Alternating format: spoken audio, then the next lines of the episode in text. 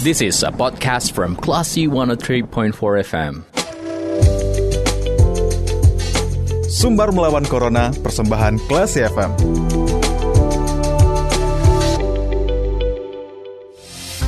empat kelas FM This is the actual radio Selamat sore kelas people Saatnya Anda mencerbati Sumbar melawan Corona Persembahan Yayasan Semen Padang Semen Padang Hospital Bersama saya Dita Indira Nah kelas people sudah hampir empat bulan ya pelaksanaan vaksinasi di Indonesia. Nah, kira-kira apa saja nih dampak setelah vaksin? Nah, mungkin kita akan bertanya kepada pihak yang lebih paham ya dan sudah uh, menghadapi kegiatan vaksinasi ini mungkin hampir setiap hari gitu ya. Langsung saja kita bertanya dan kita sapa dulu Kepala Unit Poliklinik dan MCU Dr. Priza Yosi Herlinda. Halo, Assalamualaikum, selamat sore Dr. Yosi. Waalaikumsalam, selamat sore Dita. Gimana kabarnya sore ini dokter? Sehat ya? Alhamdulillah baik. Alhamdulillah. Dokter, um, kalau di SPH ini sekitar berapa orang yang sudah divaksin oleh pihak SPH nih dok? Oh, lebih kurang sekitar 550 petugas yang sudah divaksin di SPH. Mm -hmm. hmm. Kemudian kita kan ada vaksin karyawan PTSP, mm -hmm. kemudian ada lansia juga itu mungkin tambah sekitar 200-an lagi. Baik, mungkin kalau ditotalin sekitar 700-an lah ya dokter ya? Iya, kira-kira sekitar itu. Mm -mm. Nah dari um, 700-an orang yang sudah divaksin ini sejauh ini apa keluhan setelah vaksin nih dokter yang banyak diterima? Hmm. Untuk keluhan vaksin sendiri sebenarnya ringan, jadi mm -hmm. seperti kita sudah diberikan obat atau suntik vaksin yang lain, mungkin ada reaksi-reaksi tubuh seperti nyeri otot, mm-hmm. atau nyeri kepala, nyeri sendi, atau nyeri pada bekas suntikan vaksin. Hmm, iya.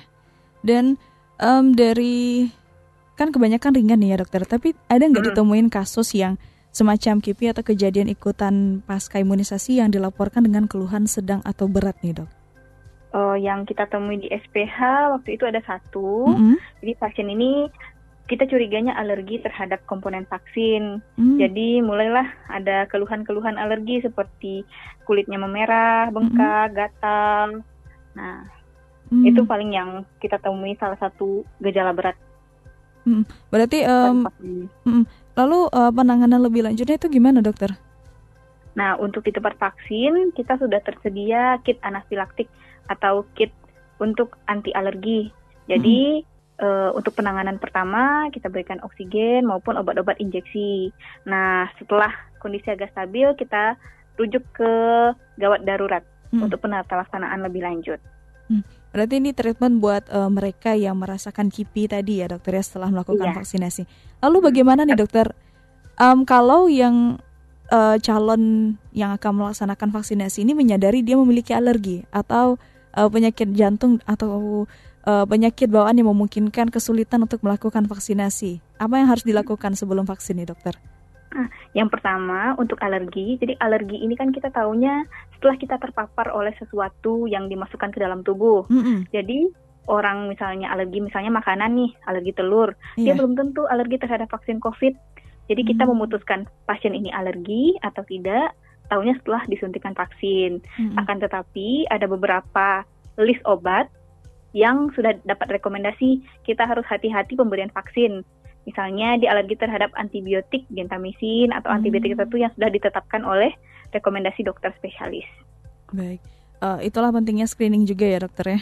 Iya. Mm-hmm. Kemudian untuk pasien-pasien yang memiliki penyakit seperti penyakit jantung, mm-hmm. misalnya sumbatan jantung atau gagal jantung. Nah, mereka ini sebenarnya dalam keadaan kondisi stabil, itu mm-hmm. dapat kita berikan vaksin. Mm-hmm. Akan tetapi, kalau seandainya kondisinya tidak stabil seperti ada sesak nafas atau keluhan nyeri dada, alangkah baiknya uh, pasien tersebut berkonsultasi terlebih dahulu kepada dokter yang merawat.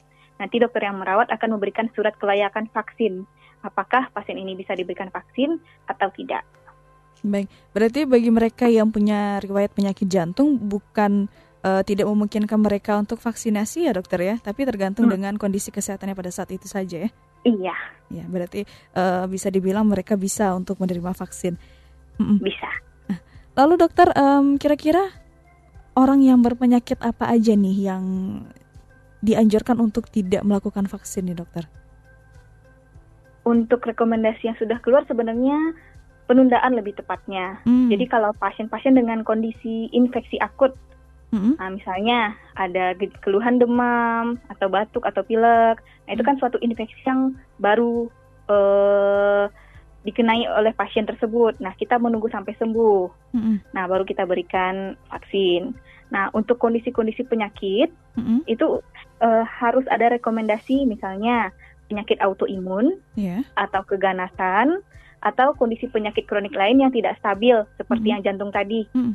Nah, mereka punya surat rekomendasi dari dokter yang merawat.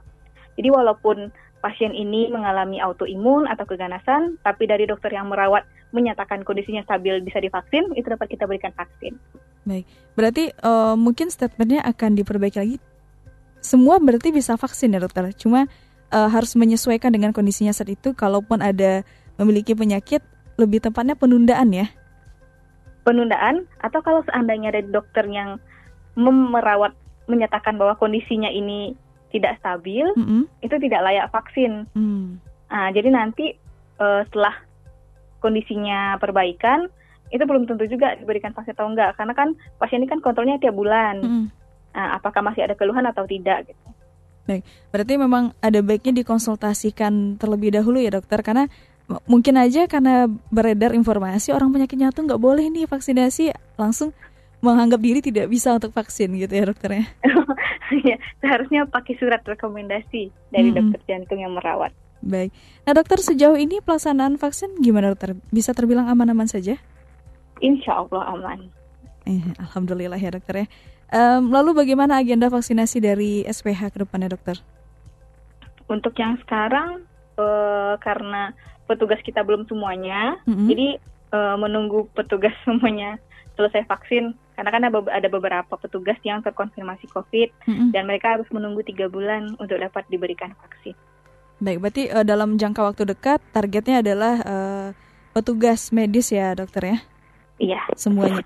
Lalu ke depannya uh, kelompok mana lagi dokter yang akan diberi vaksinasi melalui SPH dokter? uh, kemungkinan kita akan buka untuk publik tapi masih dalam perencanaan. Hmm, baik. Melihat situasi dari target-target um, yang dalam jangka waktu dekat dulu ya dokter ya? Iya. Mm-mm, baik dokter. Ada pesan nggak dokter buat kelas people yang sedang mencermati terkait dengan pembahasan kita tentang vaksinasi nih dokter? Untuk pesan-pesannya, jangan takut vaksin, apalagi ada kesempatan, Mm-mm. karena belum semua orang di Padang ini dapat kesempatan untuk vaksin. Iya. Dan eh, dari pengalaman dokter, mereka yang vaksin lebih tahan imun ya, dokter? Iya. Karena kan antibodinya itu kan akan terbentuk setelah tubuh kita terpapar. Jadi apakah tubuh kita terpapar oleh virus COVID sendiri hmm. atau imun kita dirangsang oleh vaksin COVID. Nah, jadi seandainya sewaktu-waktu kita berhadapan dengan virus COVID, tubuh hmm. kita dapat melawannya. Baik, berarti um, buat yang sudah melakukan vaksinasi mungkin bisa merasakan ya uh, efeknya. Ya, tapi tetap jaga protokol. Ya, tetap jaga protokol kesehatan karena vaksin bukan uh, apa ya ibaratnya tidak membuat kita jadi kebal COVID juga ya dokter ya. Iya. Tapi setidaknya mengurangi risiko iya, komplikasi. Iya benar banget. Oke dokter, terima kasih sudah berbagi informasi sore ini bareng kita ya di Radio Kelas FM. Baik. Iya. Uh, selamat melanjutkan aktivitas kembali, dokter. Iya, selamat sore. Selamat sore. Assalamualaikum. Waalaikumsalam warahmatullahi wabarakatuh.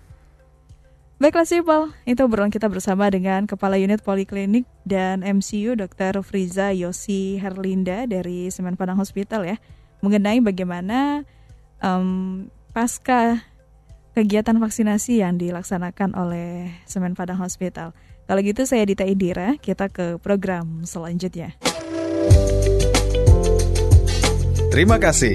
Anda sudah mencermati program Sumber Melawan Corona. Cermati podcast obrolan ini di www.classfm.co.id atau download aplikasi Classy FM.